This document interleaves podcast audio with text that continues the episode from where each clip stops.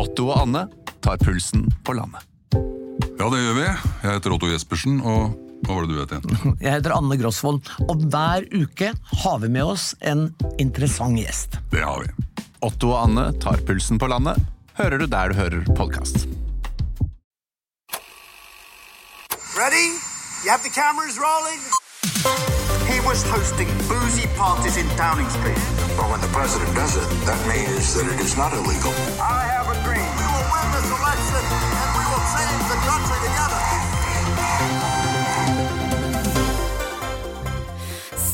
Senterpartiets målretta satsing på næringsliv og samferdsel vil skape ny optimisme i Distrikts-Norge.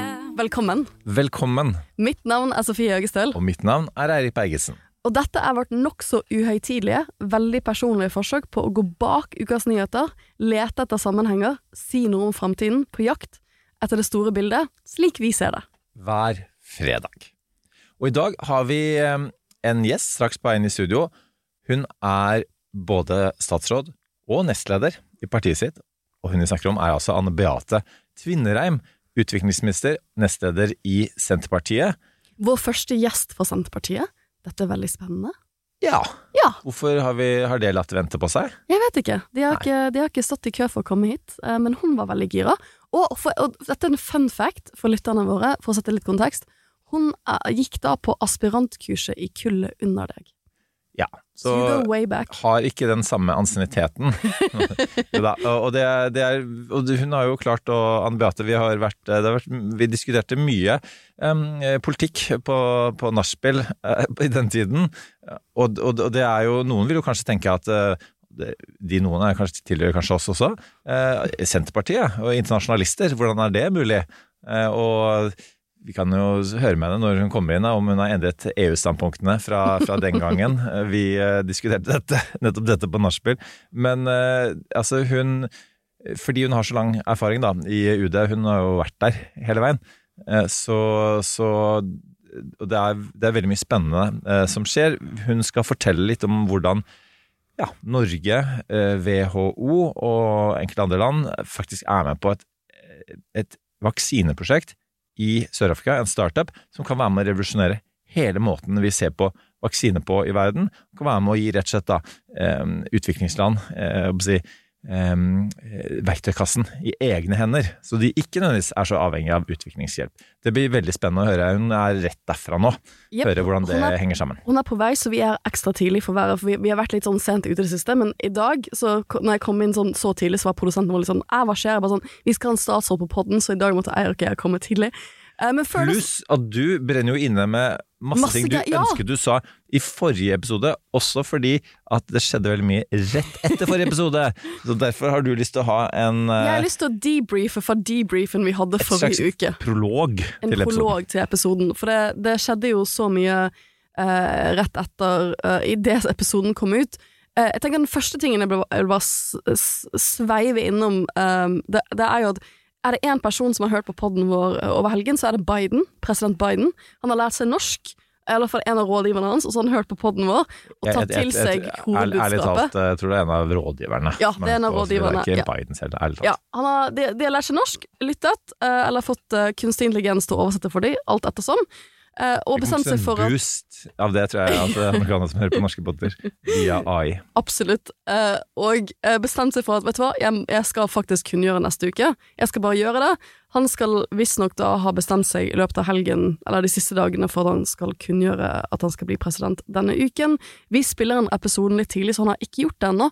Um, men eh, han skal visst gjøre det via en ganske sånn low-key videogreie. Han skal spille en liten videosnutt. Alt han gjør er low-key. Uh, Alt han gjør er veldig low-key. Så det blir spennende. Vi skal jo selvfølgelig brette ut om dette så snart uh, det skjer. Eh, det var den første tingen jeg ville utkvittere for forrige ukes episode.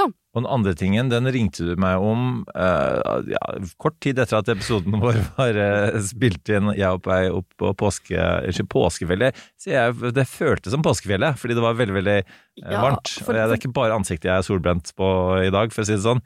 En fantastisk helg. Du Ja, for ditt lille bilde er Ja. at du brukte helgen på å, å gå på ski baris. Det var ikke meningen. ass. Jeg, jeg prøvde å være subtil.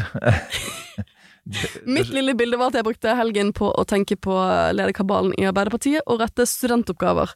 Um, men nei, for det skjedde jo så mye, og det, det er jo selvfølgelig når noe sånt skjer som en, en, sånn type innstilling, så blir det jo masse diskusjoner hva er det egentlig som skjer nå. Og vi spiller som sagt inn litt tidlig denne uken, så vi vet ikke alt som har skjedd innen denne episoden kommer ut på fredag. Men eh, jeg prøvde jo meg på nyvinning da episoden skulle ut, for at eh, Idet jeg skulle forlate bygget, så ble det jo klart at de skulle ha pressekonferanse og kunngjøre hele kabalen. Så da, da, da spilte de en sånn, litt sånn introsnutt til den delen av episoden om um, om lederkabalen i Arbeiderpartiet, hvor jeg sier noe sånt Hvor jeg, hvor jeg ola meg litt sånn klønete, hvor jeg sa sånn Vi var ikke klar over at det var mulig at Kjersti Stenseng kunne fortsette. Um, og grunnen til jeg sa det, var at premisset har jo hele tiden vært det skal være noen fra Nord-Norge i Arbeiderpartiledelsen. Det hadde vært i 30 år. Så hvis Jan Christian Vestre skulle inn, så måtte det jo komme noen fra Nord-Norge inn i en annen posisjon når de ikke skulle ha en nestleder. Så den store overraskelsen var jo at um, Kjersti Stenseng har holdt frem og blitt innstilt som partisekretær. Og reaksjonene har jo ikke latt vente på seg. Jeg ringte søsteren min som bor i Tromsø, og sa at det, det, ble ganske store reaksjoner med en gang. Eh, Nord-Norge har jo da fått eh, tre, hele tre sentralstyreplasser, så man har jo prøvd å selge inn at tre sentralstyreplasser på en eller annen måte skal være bedre enn en nestlederplass. Men om, om, landsmøtet vil føle at det er det til slutt, det er litt uklart. Det er som tre corners straffe. Det, det funker alltid dårlig, og altså, i Arbeiderpartiet. Ja, liksom, jeg tror litt av debatten i, som, i noen av mine kretser var om man rett og slett har tenkt her at uh, når man ikke får Kjersti Stenseng til å trekke seg frivillig, at noen, noen vil ha verv og står i vervet, så ønsker man ikke For alle har jo i Arbeiderpartiet Det er jo fløyer i Venstre, men Arbeiderpartiet er mye større parti. Der er det masse, masse fløyer. Og hun har jo sine støttespillere, og hvis man vraket henne mot hennes vilje, og, og, og ikke fikk henne til å gjøre det um, som um, Skjæran gjorde, å gå frivillig, tilsynelatende frivillig, så, så vil det skape ganske dårlig stemning. Så da har man valgt å heller innstille henne og tenke at det kanskje blir en benkerunde med Helga eh, Pedersen. Fordi at når Helga Pedersen går fra nei til tja til ja, og eh, forteller dette i VG, VG helseoppslag dagen før eh, innstillingen, så gjør hun ikke det uten grunn. Med andre, og, det, og det visste vi jo at det er et spill bak kulissene, så spørsmålet er hva er spillet? Eh, og, og, så idet poden var over og, og, det, innstillingen kom ut, og vi var sånn Hm, har vi bomma? Så, og så ringer du meg opp igjen på vei til hytta. Nei, det har vi ikke, fordi Og da har du snakket med litt folk. Ja, nei, altså, bare sånn, Dette er jo inntrykkene våre, hva som egentlig har skjedd i denne valgkomiteen. Det kommer sikkert til å være saker om det denne uken her, hva som egentlig har vært tankene bak kulissene. Men, men, men det kan jo godt være en tanke at når man, man er i en stasjon hvor man ikke greier å um, Hvor man, man, ikke ønsker kanskje å, å, å gjøre én fløy misfornøyd uh, ved å vrake henne, for det er, ikke, det er, ikke, så vanlig å vrake folk, men man ønsker jo gjerne at de skal gå selv da, da, blir man jo Da kommer man kanskje til en situasjon hvor man skjønner at det kanskje blir en kontrollert Altså en ønsket benking, da. Og hva, hva betyr det? Benking er politikerspråk for at um, I dette tilfellet så sier um, Helga Pedersen at jeg ønsker å utfordre Kjersti Stenseng på landsmøtet, og la landsmøtesalen bestemme, og stemme over hvem som blir nestleder. Og som vi var inne på i poden sist, så er det ikke tradisjon for å gjøre det i Arbeiderpartiet. Det er vanligvis konsensus, det kommer en innstilling, og så respekterer man den. Men nå er det jo ting som beveger på seg, og uh, det, det, kan godt være at dette har blitt avklart innen episoden kommer ut, men hun har jo ikke stengt døren for å utfordre eh, før helgen. Og, og ennå ikke gjort det. Du, de tåler jo, du snakker om et, et, parti med mange fløyer. Det var beskrevet for meg en gang som den coalition Unnskyld, vi burde ha hosteknapp, sånn som i TV 2. Eh, og nå er hoster ikke pga. Arbeiderpartiet. At eh, vanskelig å formulere dette her. Uh, bare litt forkjøla etter baris på fjellet. Hvis jeg var dårlig, det. Men altså At Arbeiderpartiet er en liste som jo egentlig er mer en sånn coalition of the willing. Ja.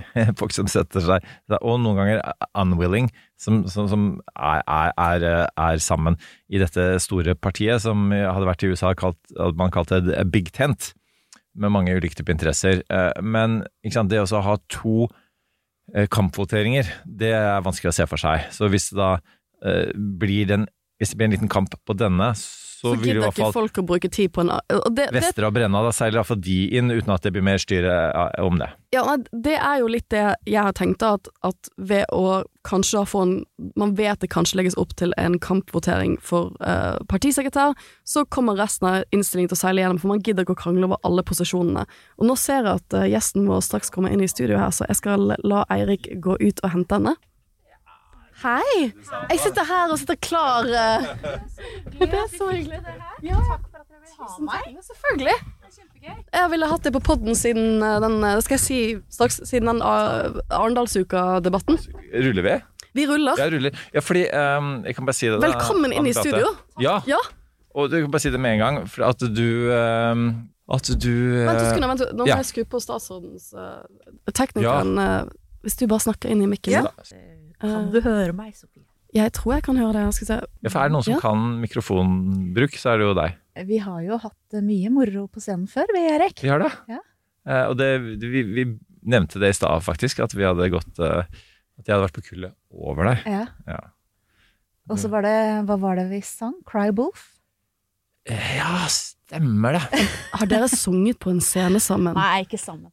Nei. Men så sang du jo alternativt statsbudsjett på All makt på radio på P2. Gjorde jeg det? Ja. Ja, det har jeg fortrengt. eh, Dette har Eirik snakket om flere ganger, når du sang alternativ statsbudsjett på jeg Allmakt. det? Ja, og, og så, så, så, så sa du til meg senere at, eh, ut, egentlig. at du ikke hørte noe fra resten av partiledelsen etter det. Og du tenkte at det var litt, litt rart, men kanskje ikke så rart i Senterpartiet eller i en partiledelse. Ja. Nei, men det var jo det var veldig morsomt. Det burde vi jo nesten gjøre igjen. Altså, det, det, Kan vi gjøre en reprise på RNB? Ja, Ja. ja. men altså, hvordan ville det ha forløpet seg? Ja, nei, det er en hemmelighet. Ja. da, da har vi en avtale. Ja, da har vi en avtale, men vi snakket jo om nestledere. Nå har Ja, vi jo for- en, ja, for en apropos- vaskeekte apropos- nestleder i Apropos partiledelse, apropos det å sette sammen en partiledelse. Ja. Uh, vi, det var jo det vi snakka om på vei inn i studio nå. Fordi vi har jo brukt disse minuttene før du kom med å snakke om hva var det egentlig som skjedde med nominasjonen i Arbeiderpartiet, og hva vil skje når landsmøtet kommer. Eh, og du sa at måten det er blitt gjort på, det ville ikke skjedd i Senterpartiet i hvert fall. Altså Hva mente du med det? Nei, jeg mener vel det at den geografiske dimensjonen eh, nesten aldri kan undervurderes i norsk politikk. Eh, Men det viser jo bare at Altså, er man eh, er, Det er ikke mye jobbsikkerhet for oss eh, politikere. Her skjer ting fra en dag til en annen, og det, det er del av gamet. Men eh, nei, fy søren, altså. Det, det, det er jo ganske dramatisk for, de, for dem dette gjelder. Ja, for, og du ble overrasket, i likhet med oss. Ja, jeg ble kjempeoverraska. Mm. Men du har jo vært nestleder siden 2014. Mm, faktisk, det, det er jo. Det begynner å bli noen år. Hvordan, ja, og samtidig så sier jeg til meg hver eneste dag at uh, i morgen kan jo være siste dagen, for man vet jo aldri hva som skjer Men er ikke det bra at det er sånn i Jo, politikken nå, at sånn det brenner det litt under Sånn skal det være. Men det er jo litt, uh, litt i overkant spennende for oss som oss det gjelder, da. Ja, for- men, og det var men, jo men det overkant- gjør, det, jo, det gjør jo politikken sunnere, for vi sitter jo her på, eh, på, uh, på grunn av tillit fra, fra vårt parti og fra folk. Så sånn, sånn må det jo være. Men det, det var jo også intenst og opprivende da, da dere, du og Ola Barten Moe, konkurrerte om det som da var første nestleder. Ja, Det ble litt baluba. Ja.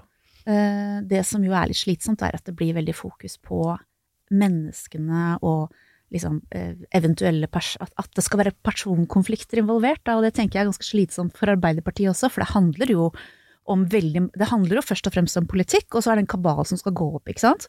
Eh, Men, men det er klart at når dette portretteres i media, så, så får man inntrykk av at her er det store personlige motsetninger og sånne ting, og det er jo ganske sjelden det er det det handler om.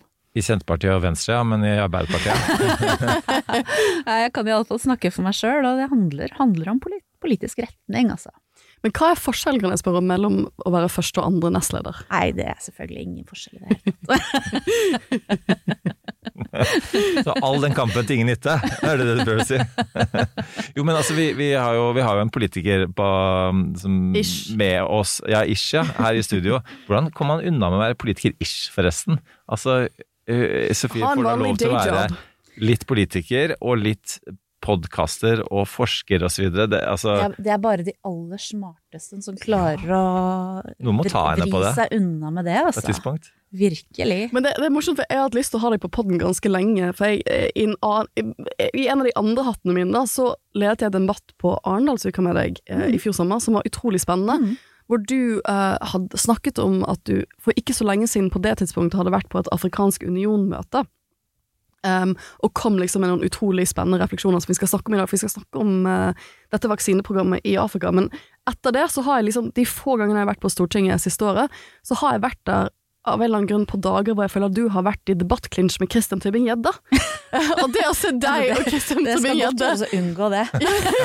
det, jeg, jeg vet ikke om dette er noe som skjer veldig ofte, men jeg føler hver eneste gang jeg har møtt de siste gangene, så har jeg vært vitne til veldig morsomme debatter. Jeg syns det er veldig festlig mellom deg og Christian Tybing-Gjedde eh, på stortingsgulvet, hvor, eh, hvor jeg føler at du, du er liksom Du går grundig til verks. Han, ja, han er jo kritisk til ting som heter utviklingspolitikk. Han er uh, veldig kritisk til det meste, meste vi gjør på utviklingssiden, og jeg mener han uh, gjør Norge en stor bjørnetjeneste. Uh, det som er veldig hyggelig, må jeg si deg, Sofie, det er at du sitter ofte også og nikker litt sånn oppmuntrende Ja, ja, ja, fra salen når jeg står der i, i duellene med, med Christian. Men kan jeg, kan jeg bare si altså, når her, eh, nå, jeg, jeg stiller meg ikke nødvendigvis på, på Tybring-Gjedde-fløyen her, men, men altså det at vi diskuterer og krangler da, Ja. litt om utenrikspolitikk, er jo egentlig en bra ting. Ja, ja, ja. ja. Og, er det er altfor lite debatt Ja, sant, det er det vi- og det er dit jeg vil. Og det, og det er egentlig min største frustrasjon. At det er veldig vanskelig å komme på i flater i norske medier og fortelle om hva vi driver med. Og eh, grunnen til at jeg syns det er frustrerende, er jo fordi at det er en viktig del av utenrikspolitikken også. Og det er jo det, nettopp det poenget som jeg syns at Christian Tybring-Gjedde slipper litt billig unna med. Han har eh, Hvis jeg kan få lov til Nå er han ikke her til å forsvare seg, men jeg opplever at Jeg er her for å forsvare han. han representerer da Han representerer eh, eh, en, en gruppe som, som eh, ser på bistand som eh, litt sånn gammeldags veldedighet, at det er det vi driver med, liksom. Men det er ikke det. Det er samfunnsendring, og det henger tett sammen med norske interesser. Og eh, Christian Tybring-Gjedde har jo blant annet ment at eh, eh, vi skal eh, eh, slutte å samarbeide i utviklingspolitikken med land som ikke er helt enige med oss i alt. Og det er klart at her er det fine overganger og mye gråsoner og sånn, men hvis vi skulle gå dit hen at hvis, hvis folk ikke eh, er enige med oss i ett og alt og stemmer som oss i FN, at vi da skulle slutte å samarbeide med dem, da tror jeg vi er ute på en veldig slippery slope. Eh, og, og, og særlig i den situasjonen som verden er nå, hvor geopolitikken er liksom virkelig i turmoil, så trenger vi mer samarbeid og mer dialog, og det er i norsk interesse. Men for å fortsette mitt forsvar av- Christian Tybing-Gjedde, da, i og med at han ikke er her og trenger noen å forsvare seg. Eh, Nei, altså, det, det er vel Det vi også heller ikke er så vant til i Norge, er jo eh, å, måte, å, snakke om eh, hva som er viktig for Norge i utlandet. ikke sant? For du, du snakker om veldedighet. altså Det er jo ikke med at vi, vi, vi er jo veldig opptatt av, av fellesinteresser, menneskerettigheter osv. Og, så og så har vi få i politikken som måtte sier at ja, men hva er Norge egentlig tjent med? Norge som oljenasjon, Norge altså konsulært for den saks skyld, nord, nordmenn i utlandet, norske bedrifter osv. så og, og der er det heller eh, også veldig lite, lite debatt. Eh, og det er jo eh, Altså, all utenrikspolitikk springer vel ut i et forsvar av landets interesser. Absolutt, det er utgangspunktet, og det skal vi ikke skamme oss for å si. Eh, Men det betyr jo eh, ja, Mitt resonnement er jo da at det er i norsk interesse å holde bruke også bistand og utviklingspolitikk som et verktøy, da. Det handler jo om at det er det rett å gjøre, og bidra til utvikling i verden, men det er i vår felles interesse. Og særlig nå eh, Jeg opplever jo veldig sterkt at eh, det er, eh, det er skikkelig motbakke i internasjonalt samarbeid for tida. Eh, Og i etterkant av Russlands brutale angrep på Ukraina, så, eh, så føler jo vi, Norge da, som et lite land, at internasjonal rett er litt utfordra, ikke sant? At det er det Altså, Norge og små nasjoner i verden er de som har mest å tjene på at stormaktene representerer internasjonal folkerett.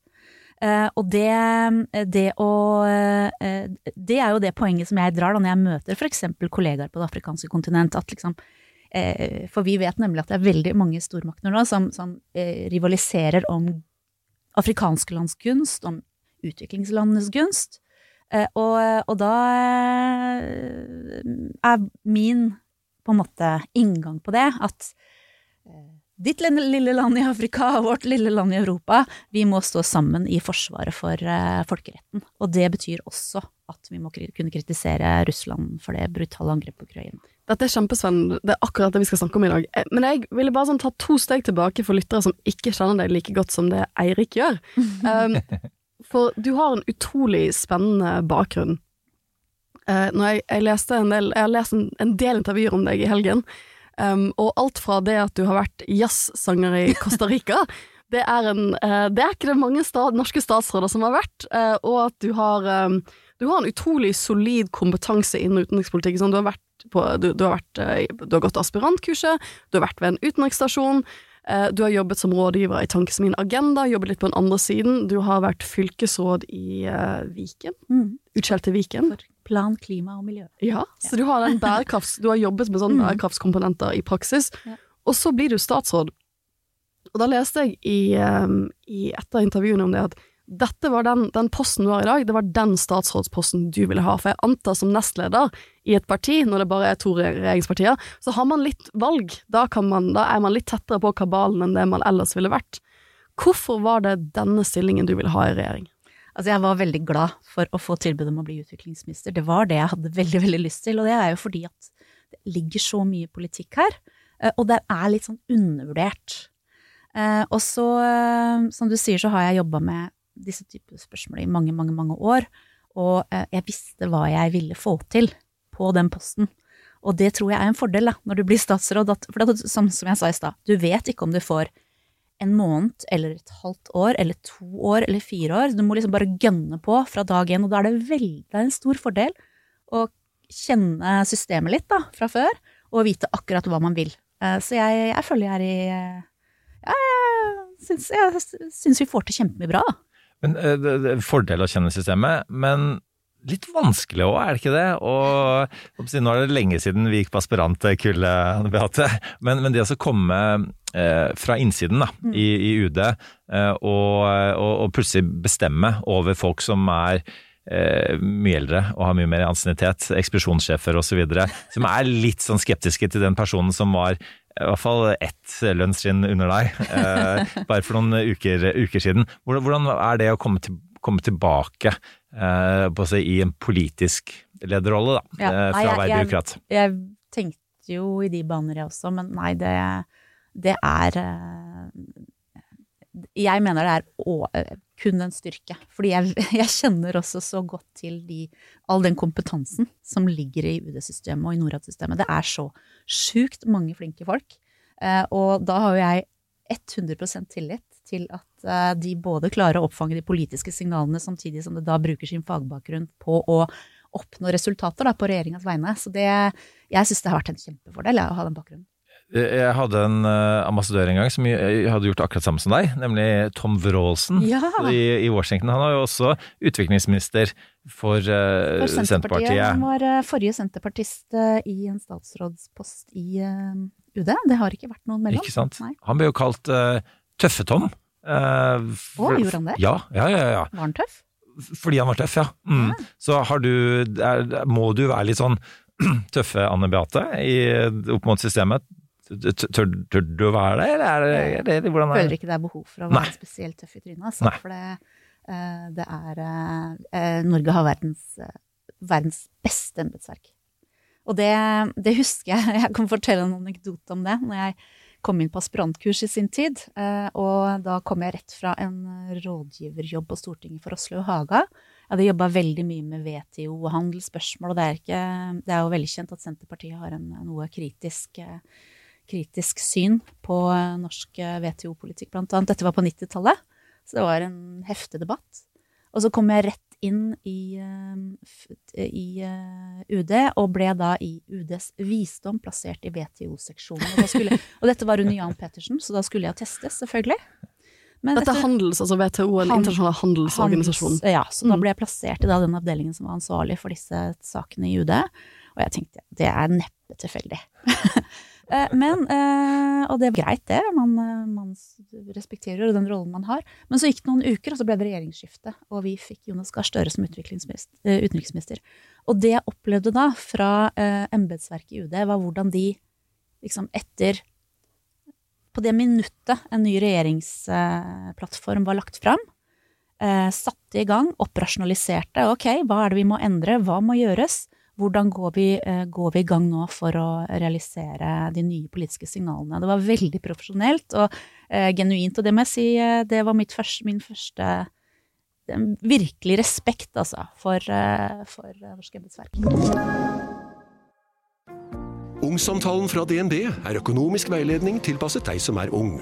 Bokk en ungsamtale på dnb.no. slash ung. Det er kjempebra hvis du skal inn på boligmarkedet, hvis det er drømmen din, liksom. Det er det du skulle sagt. Og så kunne du ropt litt mer, da, sånn som jeg gjorde. Bam! Oh. Nå lønner det seg å hamstre påskekosen hos Ark. Ark inviterer nemlig til påskefest med skremmende bra nyheter, pocket fra 99 og 40% på alle spill og puslespill. Ark-påske betyr rett og slett mye påske for pengene.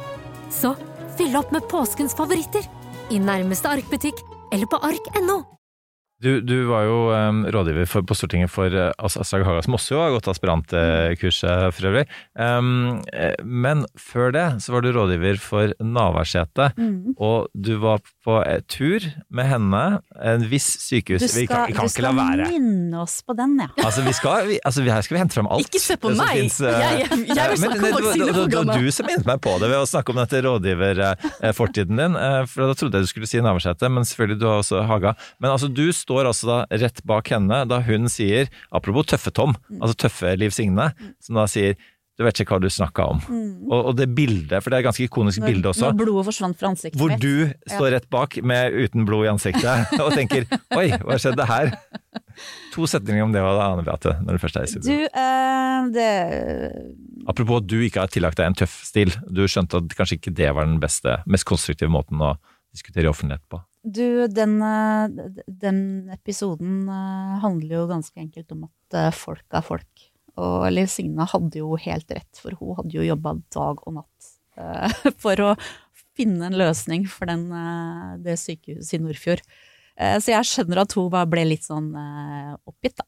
Det, men, Men- men, men det ble litt, det ble litt baluba etterpå. Men det må være interessant, for du, kommer liksom inn i UD med denne eh, politiske rådgiverkompetansen som nok UD tenker er veldig spennende, for du skjønner jo politiske prosesser på en helt annen måte etter du har vært på innsiden av det. Og da er det nok noen av lytterne våre, og det, det ene intervjuet jeg leste med deg, så, så virket det som du ble litt irritert over spørsmålet, men det var eh, liksom, det, det er nok noen av lytterne våre som er veldig sånn er det ikke liksom Man forbinder kanskje ikke det å være så internasjonalt interessert som du genuint er. Liksom, du har jo bodd over hele verden.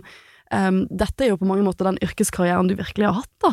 eh, med å være medlem av Senterpartiet. Mm. Så, og, mens du sa i det intervjuet at det er helt naturlig. Forklar oss, hvorfor, hvorfor er det helt naturlig? Og nå merker jeg jeg blir litt irritert over at det igjen er en problem. Nei, det er bare tuller. Eh, jo, eh, Hvor irritert det blir var, du? Det var, det var eh, det internasjonale som fikk meg inn i Senterpartiet. Det var det. Hvordan? Altså, hva konkret? Eh, helt konkret eh, så handler det om eh, Det handler om at eh, Senterpartiet har et syn på eh,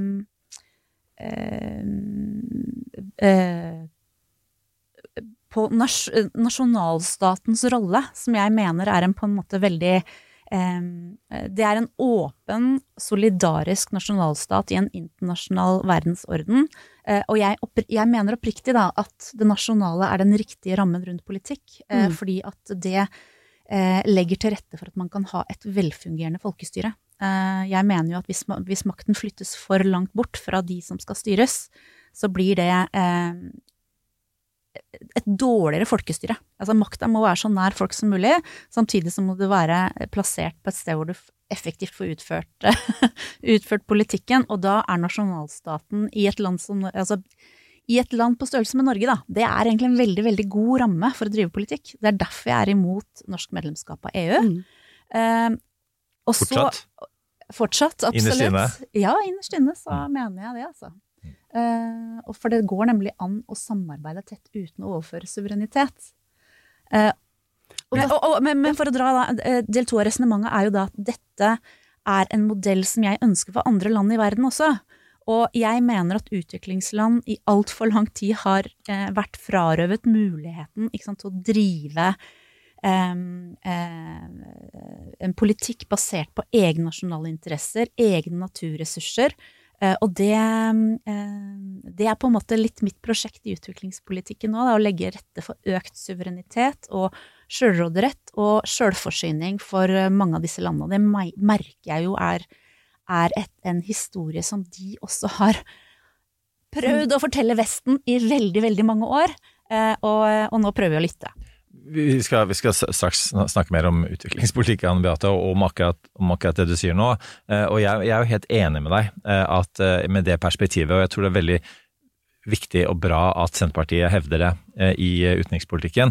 Vernet om, om nasjonalstatens interesser, og jeg tror denne ideen om en slags sånn her de europeiske føderalistene og verdensborgerne osv., den er naiv. Fordi det er ikke det er ikke sånn man kan drive internasjonal politikk som, som nasjon. Mm. Um, men samtidig, siden du, du som nevnte EU her, bare ta en bitte liten runde på det først. da bare. For er, er, det ikke mulig å være, ha en, en sterk nasjonalstat eh, i møte med eh, en internasjonal organisasjon som EU e, e, eller som, som Nato. Eh, og nå, nå, kikker jeg på andre siden av bordet her med ei som tilhører et parti som har snudd i EU-saken med akkurat den begrunnelsen. Kan vi ikke snakke om det istedenfor? Ja. altså jeg Don't get me started her. Det, det, vi, vi, snakket faktisk litt om det da vi hadde Audun Lysbakken på, på podden. For vi, da snakket jeg om at han hadde jo vært med på den prosessen om å snu i Nato-spørsmålet. Ja. Og jeg var med på prosessen, eller jeg satt i prinsipprogramkomiteen som var med å snu om, om EU-medlemskapsspørsmål, og hvordan det er å, å, å, være med på en prosess hvor du, hvor du tar for deg et veldig betent spørsmål i partiet, og prøver å liksom finne en samlende løsning, da. Eh, for det er jo klart at det er fortsatt folk i Venstre som er sterke nei til EU. Eh, som, som, er medlem av Nei til EU mm. og ikke vil ha oss inn i EU. Så dette er jo debatter jeg til de grader har vært i. Mm. Um, men dere er ganske unisont som parti da, på å, være, på å ikke ville være medlem av EU. Men jeg syns det er interessant det du sier, for det, Moren min jobbet en periode, hun var nasjonalekspert i Brussel, for vi, selv om vi ikke er medlem av EU, så har vi jo nasjonaleksperter i Brussel. Uh, og jeg var jo besøkt henne en del, og på det tidspunktet, dette er sånn 2007-ish, da hadde jo nettopp EU vært gjennom en litt sånn periode hvor en del land hadde prøvd å ha folkeavstemninger rundt enda tettere, uh, enda tettere integrasjon, da, uh, og så hadde de stemt nei. Og så hadde man allikevel gjennomført mye av de prosessene mm. på en litt annen måte. Og det syns jeg var superproblematisk, mm. og er jo på sitt aller verste, da. Så en del av de suverenitetsspørsmålene du tar opp, er jo absolutt noe som jeg eh, er opp... Altså, eh, ja, absolutt innvendinger jeg har mot det nåværende EU-systemet som eksisterer, altså slik de rammene er nå, at man, at man eh, ikke har gjort noe Eller ikke fått gjort noe ordentlig med det demokratiske underskuddet som ligger der. Men jeg har jo kanskje et litt annet syn på at suverenitet i dag er litt mer flytende. Mm. Og liksom noe litt mer elastisk enn det kanskje var for, 100, mm. for 50 år siden. Da. Men ja, ja, men det er interessant. Jeg er enig i det. At det er, eh, det er jo noen skalaer her, og en elastisitet. Men samtidig så er jo det, som svar på spørsmålet ditt, Eirik, mm. så mener jeg at nei, uh, innafor ramma av EU så er det veldig vanskelig å opprettholde um, suverenitet, i alle fall i mange sektorer. Så er det jo, igjen, varierer fra sektor til sektor, men jeg mener f.eks. at det som uh, den, den utviklingen vi ser på energifeltet, på transportfeltet, uh, det er en reell trussel mot å kunne uh, fatte suverene nasjonale beslutninger til beste for norsk politikk. Eh, så, så, så, sånn som EU er eh, skrudd sammen, så mener jeg eh, Så står mitt nei-standpunkt like stødig da, som det gjorde for Gjør, Det er ikke noe, ikke noe glidning i det hele tatt? nei, altså jeg I 1994 så var våre Slagordene våre var jo solidaritet, miljø og folkestyre. Eh, jeg syns jo f.eks. på miljø at det skjer mye bra fra EUs hold.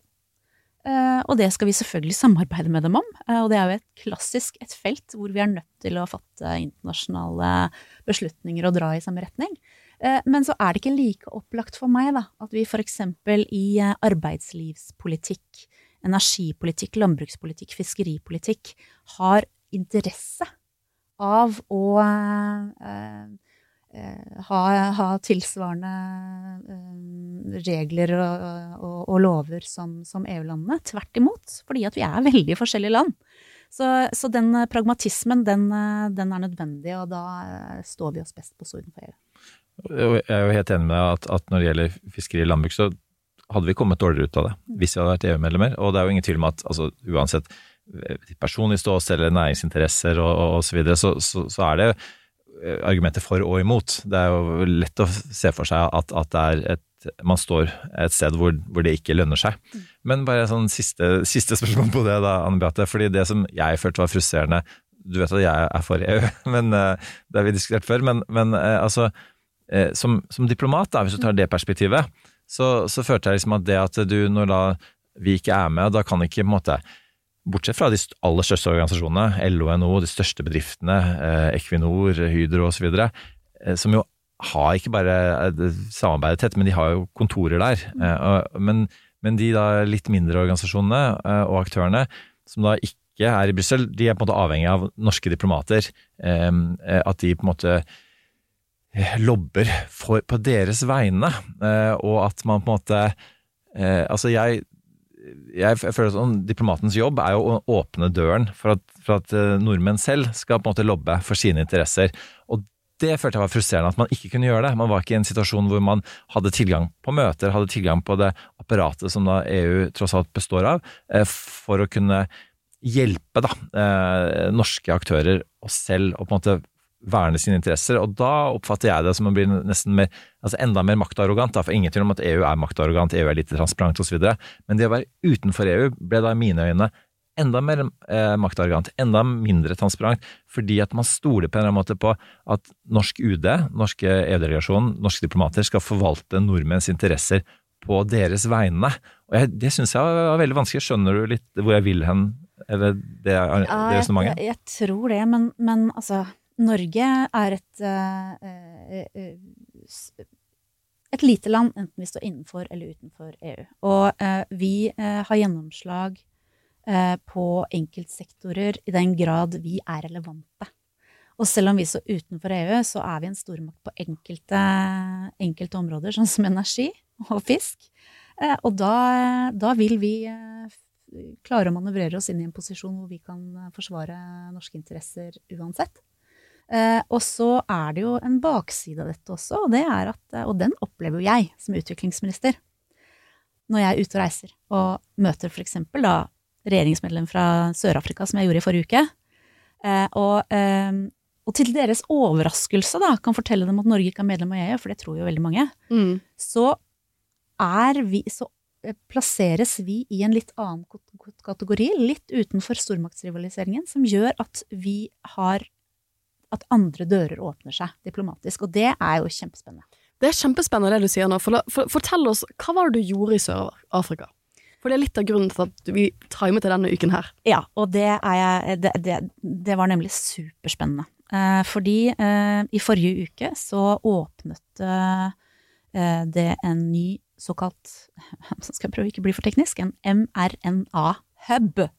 Eh, rett og slett en vaksinefabrikk i Sør-Afrika. Sånn avansert vaksine? Som, ja. Hvor man da får eh, tilgang til den mest avanserte vaksineteknologien.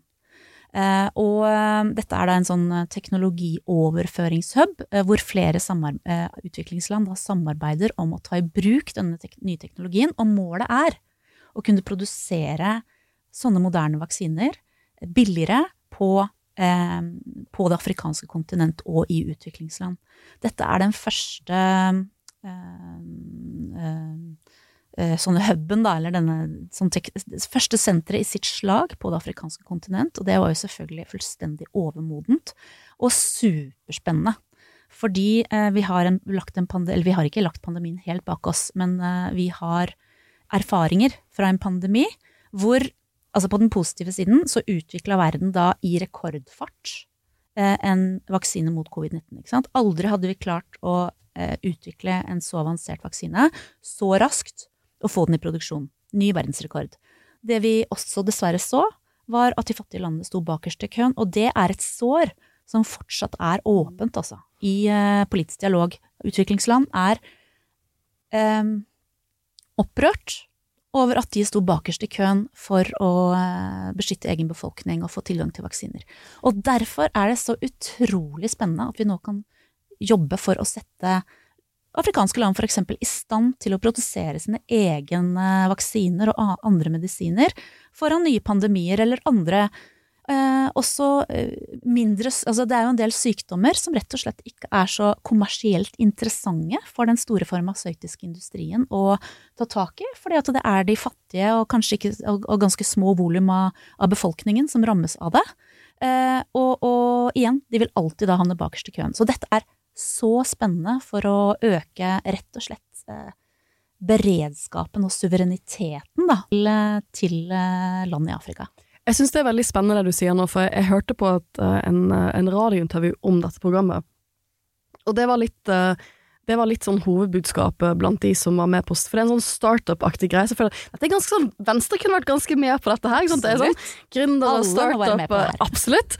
Um, men, men jeg syns det var spennende å høre at, at, som du sier, det såret av uh, å føle at man sto så langt bak i køen. For vi snakker jo, jeg tror fra et sånn vestlig perspektiv, så er det lett å snakke om pandemien som sånn Oi, her viste det internasjonale samfunnet at vi kunne komme sammen. Vi løste vaksinespørsmålet i sånn fortgang, det var rekordfort. Eh, og så fikk alle vaksiner, og så greide man å gjøre en fordeling, og det ble så fint. Men den, den følelsen av at eh, det var ikke tilfellet, man fikk vaksinen etter alle andre. Eh, og som du sier, den, den, eh, det skinner veldig gjennom den følelsen at dette kunne vi ikke gjøre for oss selv. Liksom. Her er det ganske mange store internasjonale, særlig forretningsinteresser ute og går, og vi kunne ikke, vi kunne ikke produsere disse vaksinene selv, så da var vi avhengig av å, å måtte stå bakst i køen mens vi ventet på at andre land ga oss den type Mm. tilgang. Eh, og da er vi litt inne i dette store verdensbildet hvor vi er i nå, da, som, som jeg syns du snakket så godt om på Arendalsuka, at du har, du har merket en ganske stor forskjell etter invasjonen av Mm. Ukraina, for du rakk jo å være statsråd før invasjonen, Eh, men nå er du der ute eh, og merker at det er endringer på gang i verdensbildet. Absolutt. Eh, og, og som sagt, det lå jo en sånn gryende mistillit etter pandemien, hvor uh, eh, utviklingsland følte at Vesten ga blaffen. Altså det er liksom det etterlatte inntrykket. Og så har vi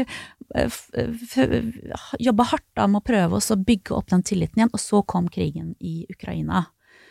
Og der må vi bare erkjenne at Russlands aggresjon mot Ukraina eh, oppleves og tolkes annerledes eh, eh, i mange utviklingsland enn enn det det naturlig gjør eh, her, nede, her, hjemme i Europa, hvor vi har det i vårt eget nabolag. Eh, og jeg tror at for å eh, Ja, for å ikke havne i en sånn Vesten mot resten i internasjonal politikk, så er det utrolig viktig at vi forsøker å eh, ha en dialog basert på at, altså, at vi må akseptere da, at det, at, det ser annerledes ut. Eh, og eh, det, det som jo er et faktum, er at eh, når vi snakker om eh, utviklingsbistand, for eksempel, så har jo faktisk den globale eh, summen til bistand, ser eh, de globale tallene, de har økt det siste året. Men det er fordi at det går enorme summer til Ukraina, og det må det gjøre. Det er viktig. Vi, eh, vi skal stille opp for Ukraina så lenge det trengs. Men det er klart, fra det afrikanske kontinent så ser man at støtten til deres tradisjonelle kriger og konflikter får mindre oppmerksomhet, mindre finansiering. Og igjen så eh, føler man at det som kanskje fra enkelte land i Afrika oppleves som en sånn regional konflikt eh, mellom noen land oppe i nord, skal da ramme dem, både ved at utviklingsbistanden reduseres, men ikke minst at krisen, eh, le- eh, eh, levekårskrisen som har kommet i kjølvannet av krigen, med økte priser på mat, på energi osv., det rammer jo utviklingslandene direkte.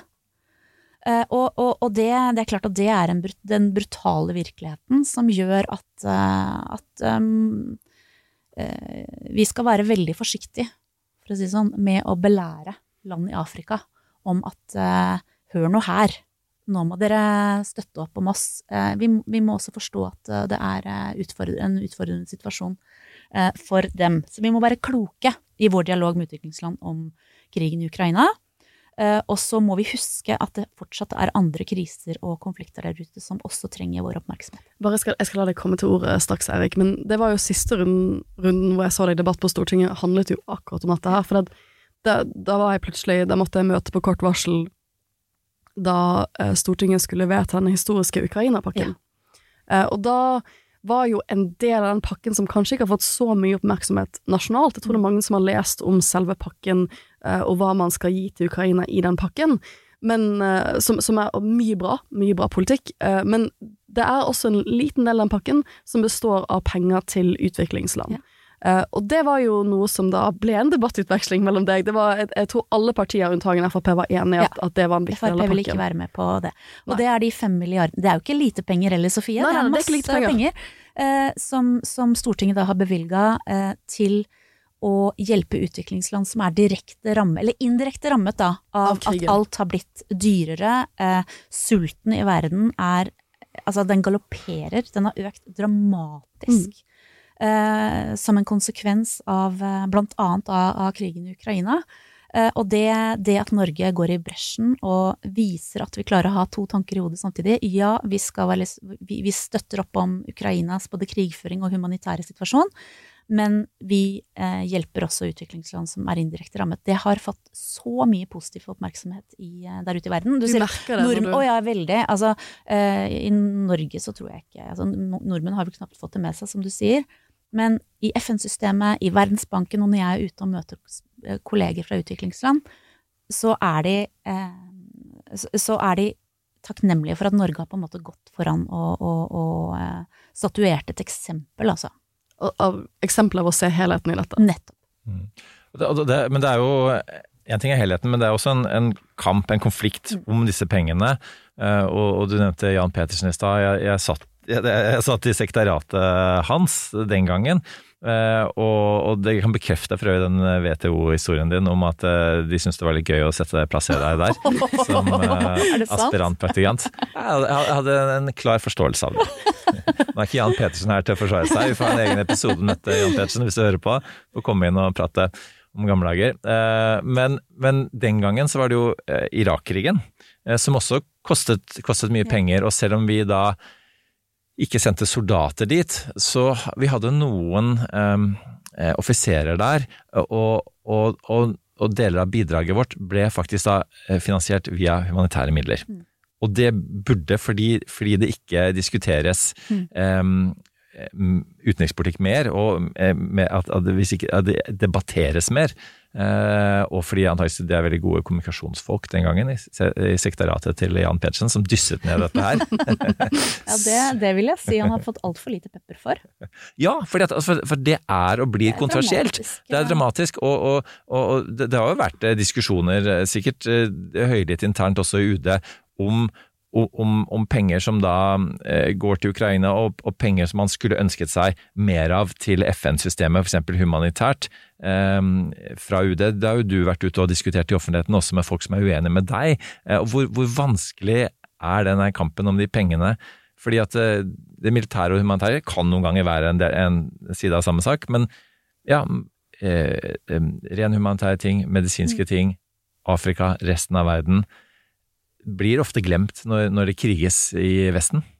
Det gjør det. Uh, nå syns nok jeg at uh, vi har kanskje lært en lekse etter, etter Irak. For når det gjelder liksom dette å uh, det, tydelige skillet mellom humanitær og militær innsats, synes jeg, det syns jeg vi har i ryggmargen, altså. Og, og, det kan jo Sofie bekrefte, at når dette var debattert i Stortinget, så har jo veldig, altså det er jo veldig ryddig deling av hva som skal gå til militærstøtte, og hva som går til humanitær, humanitærstøtte og gjenoppbygging.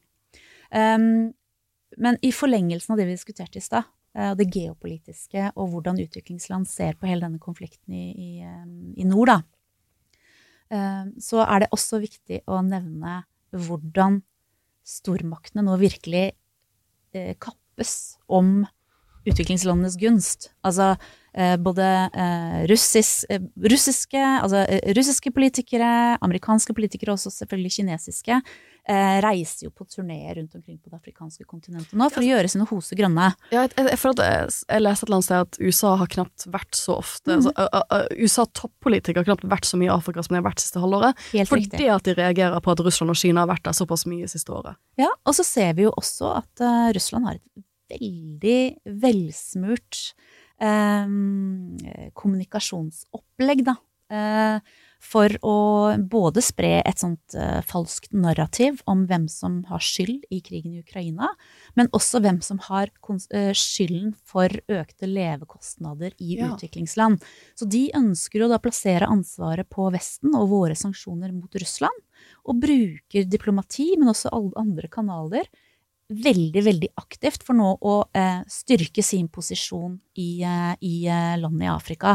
Og det er da, for å komme tilbake til Christian Tybring-Gjedde, da, det er derfor jeg mener at det er viktigere enn noensinne eh, å eh, klare å ha en åpen dialog, og bruke også utviklingspolitikken og vår utviklingspolitiske dialog aktivt for å bekjempe da, at den type krefter skal, skal, skal bidra til at utviklingslandene velger At, at det blir Vesten mot resten, eh, hvor, eh, hvor afrikanske land nærmest føler seg tvunget til å på en måte ta en side mot oss. ta på meg Tybring-Gjedde-hatten igjen her, da. Eh, vi, vi, vi snakker om Sør-Afrika og, og, og det vaksineprogrammet. Samtidig så var det nylig en militærøvelse Mm. med Sør-Afrika og Kina og Russland. Det er riktig. Ehm, som ehm, uh, uh, hvordan, Hvor vanskelig er det eh, for, for resten av verden å se på, og ikke minst for Norge, som jo er en aktiv bidrags, eh, bidragsyter både til dette vaksineprogrammet og til Sør-Afrika? Altså jeg, jeg mener jo åpenbart at det er veldig uheldig for Sør-Afrika å knytte seg så tett til Kina og Russland også når det gjelder det militære. Eh, eh, Men jeg tror ikke løsningen på det er at vi går og belærer sørafrikanske myndigheter om hvilke politiske valg de skal gjøre innenrikspolitisk. Men vi kan vise dem at eh, det finnes, det finnes, andre, det, finnes andre alternativer. Men hvorfor gjør de det? Hvorfor gjør de det? Du, det er Jeg tror ikke det er så veldig komplisert. Her er det historisk tette, tette bånd, ikke minst mellom sentrale politikere i ANC. Mange har fått sin utdanning fra, fra gamle Sovjet eh, eller fra Kina. i De snakker ofte språket, ja. Mm. Eh, Og det, det er klart at det påvirker, eh, det påvirker også dagens politikk. Og det må vi bare på en måte erkjenne. Men- det tyder jo også på at, at det Russland har gjort, den propagandaapparatet som du sier, som er veldig velsmurt, som jo ikke har fungert overfor Vesten Her har jo på en måte eh, Nato-landene kommet enda tettere sammen, nye Nato-land osv. Eh, men det har Det ser ut til å ha fungert i mange andre utviklingsland. Kan ikke du fortelle litt om måte, hvor, hvor effektivt det, det har vært da, i realiteten? Ja, nei, det, den juryen er jo fortsatt ute, eh, men vi merker jo at eh,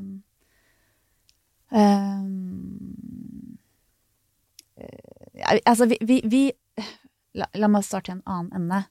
Eh, vi merker jo eh, afrikanske land som er eh, selvsikre eh, og ikke finner seg i å bli belært av vestlige når vi kommer eh, og forteller dem hvordan ting henger sammen i internasjonal politikk. På en måte syns jeg jo det er veldig sympatisk. Jeg ser jo et afrikansk kontinent som ønsker å utfordre på en måte eh, den internasjonale verdensordenen, som sier at ja, men disse reglene som, eh, som ble opp som, som, som uh, trådte i kraft etter annen verdenskrig, og den internasjonale arkitekturen vi har, uh, hvor, hvem har sagt at den skal bestå til evig tid? Hvor er det afrikanske kontinent oppi dette? Og det syns jo jeg Altså, jeg heier jo på et selvbevisst uh, afrikansk kontinent. Eh, men da må vi jo også eh, være Da skal vi være selvsikre på våre egne verdier, eh, og, og, og, og offensivt appellere til samarbeid rundt det, og vise at vi har noe å tilby. Del av det har vi den utviklingspolitiske verktøykassa. Det er interessant, for det du sier nå rimer veldig godt overens med en av analysene til Alexander Stubb, som jeg snakket om han ofte i podden, men han er da en tidligere finsk eh, statsminister som også er professor i internasjonal politikk. Og han holder på å skrive på en bok nå, men han har gitt masse foredrag om det som blir denne boken som jeg har hørt på, da.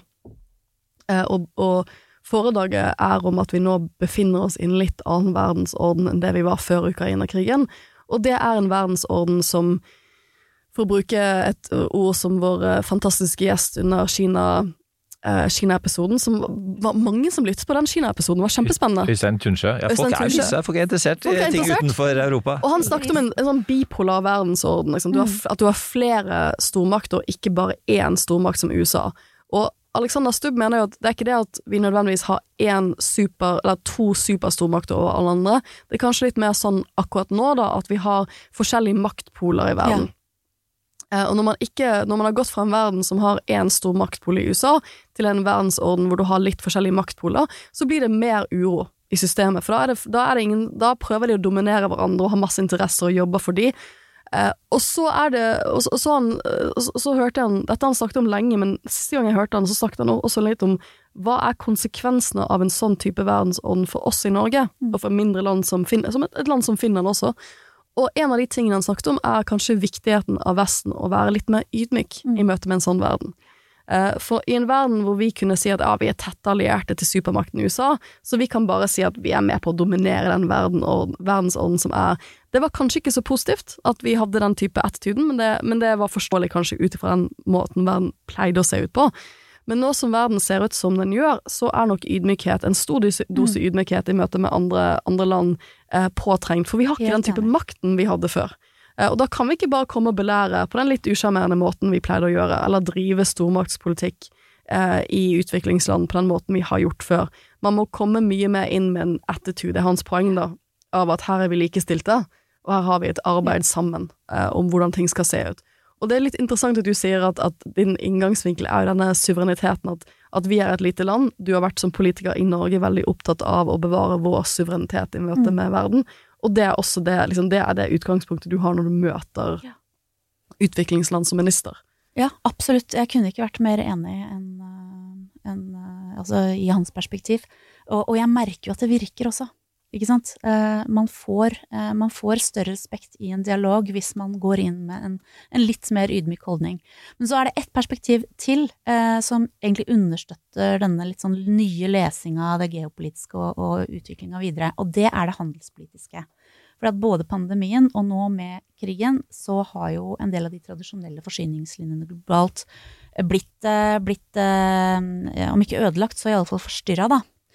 Og, og nå ser vi jo um, Altså, jeg var jo eh, både på sant, sikkerhetskonferansen i München, i eh, World Economic Forum i Davos, alle disse uh, arenaene, så snakker man nå stadig mer om sånn nearshoring, friendshoring, vi må sørge for handelsmønstre som gjør at vi bevarer en viss sånn um, forutsigbarhet, at vi, vi, vi, vi må vite, vi må være venner med de vi handler med, det er på grunn av sikkerhet, ikke sant.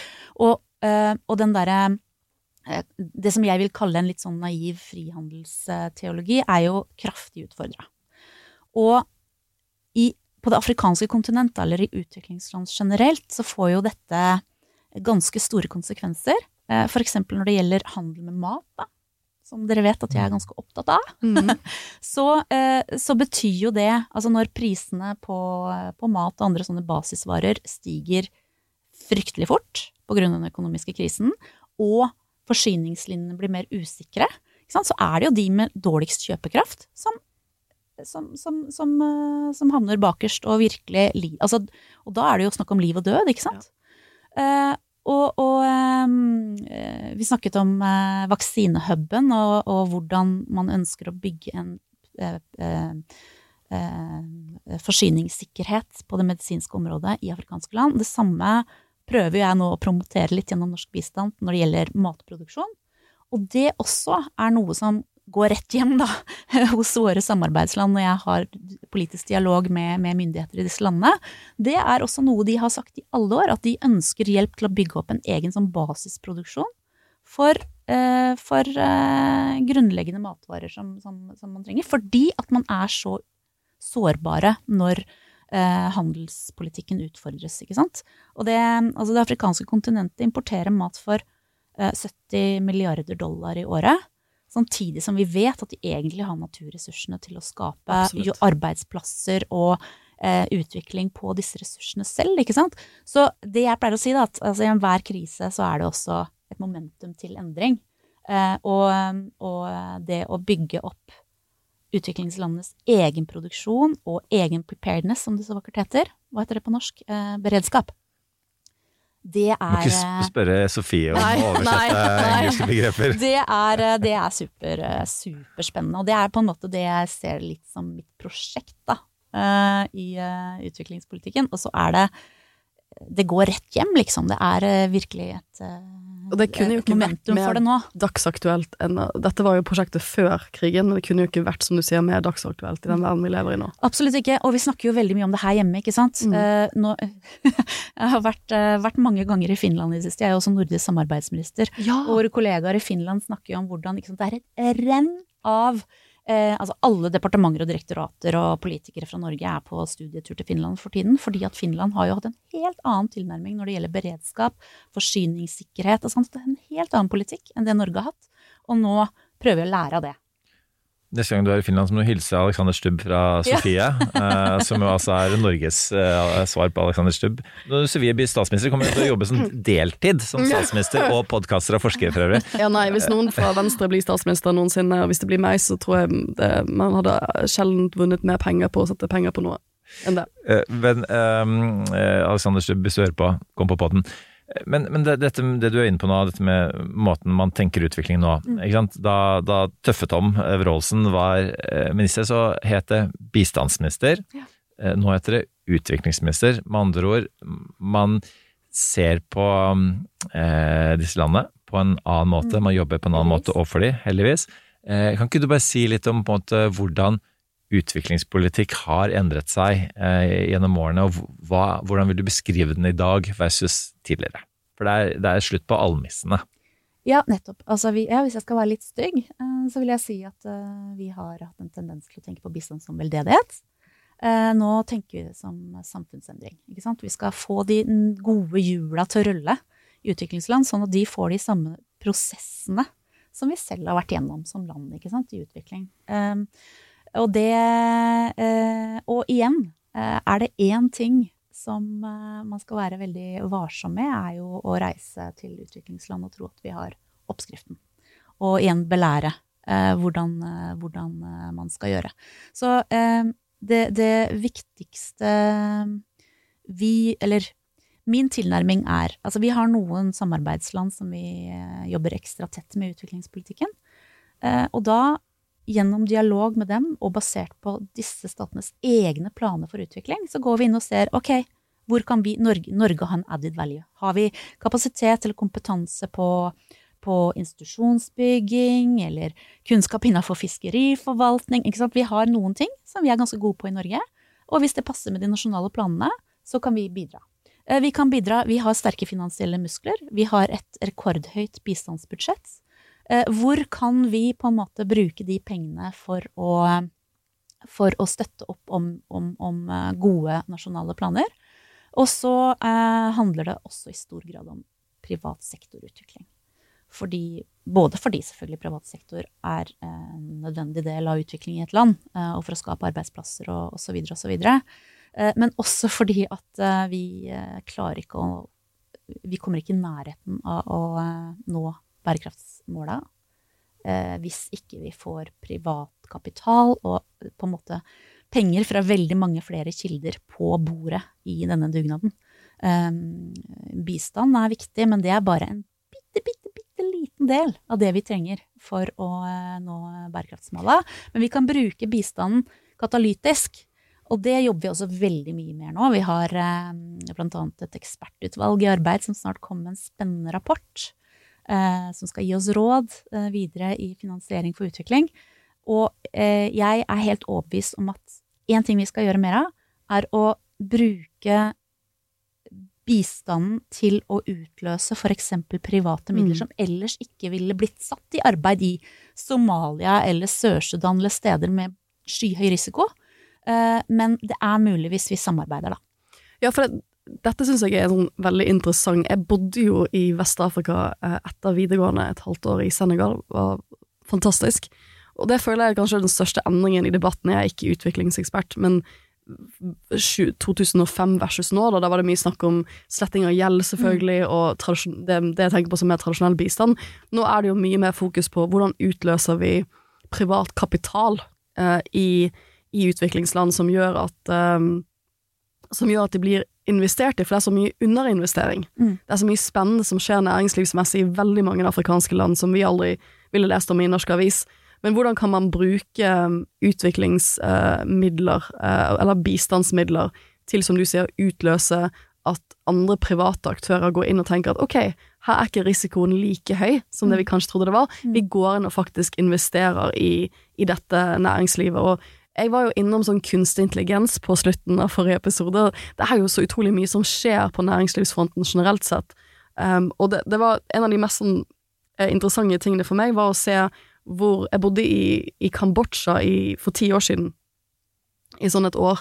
uh, og da jobbet jeg med helt sånn internasjonal strafferett og helt andre ting. Men det var veldig spennende å se hvor fort en del teknologiske vinninger gikk.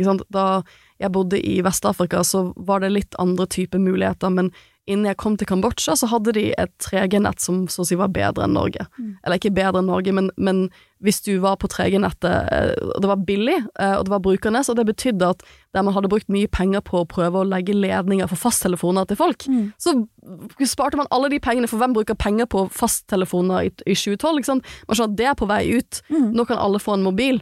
Eh, og da plutselig den måten man hopper over en del teknologiske trinn, for det kommer så mye spennende teknologisk nå, og bruker det i, i alt fra altså um, i farming. Nå, nå mister jeg norsken min. Men, men eh, det, det var utrolig spennende å se. Beate kan hjelpe oss med farming eh, på norsk. Jordbruk. Agronomien, den kan jeg ta hånd om. Ag- ja, ja, Landbruk skal- er Altså, vel- enhver, alle småbønder og småfiskere i verden har jo Har jo- tilgang til en smarttelefon. Det er jo Ja. helt absurd. Så vi må jo bruke det Den verktøyet. teknologien endringen går så fort, da. Fordi vi vi har helt andre typer teknologiske løsninger som gjør at det å løfte opp eh, den teknologiske gap som har vært der nå, er mye lettere enn det var for 20 år siden. Og det er veldig, veldig spennende. Det er veldig spennende. Og det samme resonnementet gjelder jo da når det gjelder grønn, grønn omstilling, ikke sant. Jeg mener at noe av det beste vi kan gjøre for, eh, eh, for eh, klimakampen i utviklingspolitikken, er å sørge for at de mange hundre millioner menneskene som ennå ikke har tilgang på energi, kan hoppe rett på fornybare løsninger istedenfor å gå via kull og andre fossile kilder. Og kan vi bruke kan vi bruke norske bistandspenger til det, så har vi gjort en god jobb både for klima, men også for fattigdomsbekjempelse. Vi må, vi må gå Vi må inn for landing her. For statsråden har en full Ja. kalender denne uken. Ja, ikke sant, og du, du har mye å gjøre. Eh, Men bare sånn, det er et sånn, sånn stadig tilbakevendende tema i denne podden her, fordi vi, vi startet den da Russland invaderte Ukraina, og vi og både utløste si, et mer komplekst uh, verdensbilde, men også et, et mer dystert verdensbilde. Uh, og sånne uh, optimister som, eh, som oss ble nesten litt pessimistiske. Men så ble jeg litt optimistisk av å høre deg, Anne Beate, og når du snakker både om, om, om den grønne omstillingen her, og på en måte at vi må um, utvikle um, i, land, i kontinenter som Afrika, eh, men også at vi må, vi må tenke nytt. Da. Eh, så det er rett og slett spørsmålet til deg. Er du hvor optimistisk er du, eh, du som, som måtte reise rundt og, og, og, og snakke direkte med disse landene, eh, med, med tanke på utviklingen jeg sier i hele verden, når det gjelder ikke bare utviklings, men, men, eh, utenrikspolitikk. Mm. Nei, altså jeg skal ikke ljuge. Jeg syns jo at motbakken blir brattere og brattere. Det har vært et tøft år, altså. Eh, Men det som gjør meg optimistisk, er at vi har så himla mange tilgjengelige løsninger som, bare, som, som, som er gryteklare. Det er bare å rulle det ut. Eh, Enten det handler om da grønn teknologi eller altså vi, vi, vi har så mange løsninger. Vi må bare få organisert oss, para beina og få finansiert, eh, finansiert løsningene der ute på felt. Eh, og det, det kan vi få til, altså. Det som, eh, det som holder meg våken om natta, er jo hvis den geopolitiske situasjonen gjør at vi ikke klarer å samarbeide lenger om å få disse løsningene ut. Så det må vi for guds skyld kjempe mot med de verktøya vi har i vår verktøykasse. Eh, fordi hvis eh, hvis eh, vi trenger mer internasjonalt samarbeid, ikke mindre. Klarer vi å samarbeide, så kan vi få til veldig, veldig mye. Du var inne på dette med å samarbeide med land vi ikke nødvendigvis sammenligner oss med i Afrika, men er det noen land vi sliter med å samarbeide med om dagen, så er det jo åpenbart Russland, men også til en viss grad Kina. Det er jo ikke et bra samarbeidsklima internasjonalt i verden. Nei, det er ikke det. Vi må Vi må jo på en måte være tydelige eh, i møte med eh, de overgrepene som, som, vi ser. Vi må være tydelige på eh, å opprettholde folkeretten og på en måte det internasjonale rettslige regimet som vi er så avhengig av. Men vi må samtidig um, uh, anerkjenne da, at det finnes eh, relasjoner til land som går litt under radaren, som allikevel spiller en viktig brikke i derre det internasjonale økosystemet, og som Norge tradisjonelt har hatt en veldig god og tett og nær dialog med. Altså, we punch above our weight class, faktisk. Norge, i mange deler av verden. Eh, vi skal være stolte av det vi har eh, fått til eh, i, i, mange utviklingsland. Vi har en, eh, et godt ord på oss for å være liksom redelige og ville det, det, riktige, og ikke ha på en måte um, um, bak andre motiver enn en, en det vi, det vi profilerer.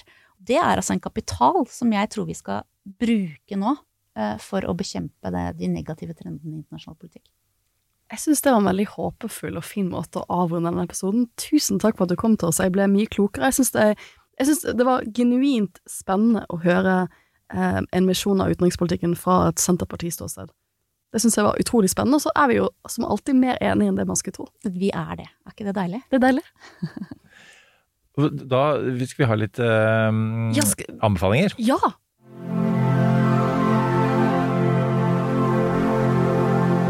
Jeg har for så vidt bare rettet oppgaver de siste dagene, så jeg føler ikke at jeg har så mye av- og påkobling. Ikke bruk det. Ikke bruk oppgaveretting til av- og påkobling. Men du har jo vært og, og, og gått på ski i baris i Hemsedal. Um, hva er det du har koblet av og på med? Altså, det, det, jeg har ingen eh, lenke til, eh, Nei, til det, okay, for å si det sånn. Jeg, jeg følte jeg måtte nevne det en gang til i løpet av episoden. Mm, jeg, mm. jeg mente, det var ikke meningen å assosiere til det, og det, det, er ingen assosiasjon til Hemsedal eller noe som helst, men uh, The Quiet American av Graham Greene, som er jo, en, det er jo noen år siden den kom, som jo handler om en uh, en amerikaner som, som uh, drar til Vietnam midt i, i krigen der, og, og, og, med på en måte de, de beste hensikter. og han Eh, og så er det en, en brite han treffer der som er sånn verdensvant som bare sånn herre men, men, det funker ikke her.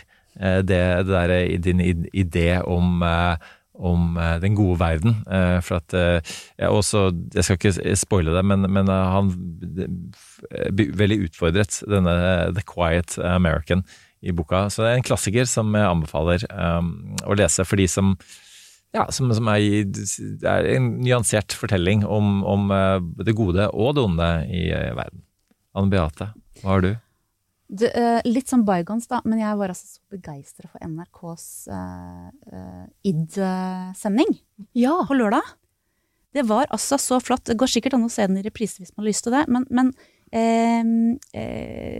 for de av oss da som ikke har noen tett på oss som har feiret, veldig tett på oss som har feiret tid, så ser man det jo litt utenfra. Men, men det var altså så For eksempel altså fikk vi se hva slags selskapsleker man eh, leker med sånne sko som man hadde knyttet sammen, og så skal man binde sammen eh, hendene på ryggen og samarbeide om å løse opp sko. Altså, det var kjempegøy!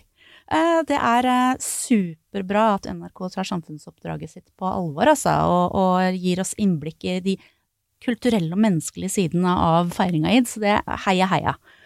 Um, og så um, Og så har jeg bare lyst til å si vi, vi står oppe i litt sånn dramatiske tider eh, internasjonalt. Vi følger jo med fra minutt til minutt eh, hva som skjer i Sudan, for eksempel, som er fryktelig dramatisk. Eh, veldig, veldig bekymringsfullt. Og da, jeg vil bare anbefale alle å um, eh, oppdatere seg litt på Al Jazeera English. Det pleier jeg å gjøre. Det er altså kjempebra nyhetssendinger som eh, gir et forfriskende perspektiv fra litt, et litt annet ståsted. Det tror jeg vi alle har eh, godt av. Så jeg eh, anbefaler jeg anbefaler nyheter fra Al Jazeera English. Veldig bra nyheter. Jeg støtter veldig det. Jeg synes at det, det, det, er jo veldig, De store mediekonsernene gir ofte et veldig vestlig perspektiv. De som er engelskspråklige. Hvis man først skal lese noe annet enn norske nyheter, Uh, og det å da se på Al Jazeera for meg er også en måte å få et litt annet mm. de, har en annen innfallsvinkel. De er veldig gode. De er veldig gode, og det er veldig, veldig sunt. Mm. Og det trenger vi litt mer av. Og så vet jeg at du hører jo en del musikk også. Du, jeg er sånn eh, radiogeek, uh, så NRK Jazz, det er liksom NRK Jazz? Ja. Når jeg sitter bak i bilen på vei hjem, da, så sier jeg kan vi ikke skru på NRK Jazz? Fordi du er, er, er, er, er du like glad i jazz som Jan Petersen var i opera? Ja, det tror jeg. Altså Jan Petersen var jo eh, Vi skal tilbake, litt bak i tid, men han, han hadde en sånn bærbar PC eh, og, som han hadde med seg ute i verden. Den, det eneste litt kissen til her, det eneste som var på den PC-en, det var ikke masse rapporter og så videre, det var, var jazz. Ja. Så han kobla Unnskyld, det var opera, selvfølgelig. Eh, Så han kobla på, på, på opera. Um, Ja, men, men, men, eh, det er ikke, du, du har mer på din bærbare eh, når du er ute og reiser, enn jazz. Ja, det, eh, er noen rapporter jeg der. har, ikke, jeg har noen rapporter, ja, men jeg har ikke så mye annen musikk, tror jeg. Det gjør meg lykkelig. Jazz gjør meg litt lykkelig. Det syns jeg igjen var en perfekt måte å avslutte podden på. Det er viktig å være lykkelig i hverdagen. Og finne de små måtene å gjøre det på. Og så må du tusen fortsette. takk. Tusen takk for at du var med, Ja. eh, Anne Beate. Du må komme komme tilbake igjen. eh, Synge Du må komme tilbake igjen og synge eh, revidert nasjonalbudsjett. Ja. Da, vi bare Da, da har vi en avtale, og så må du fortsette å reise ut i verden. Ikke belære alle utviklingsland om at vi har de rette løsningene. Fortsett å belære Brussel om at vi er de rette løsningene.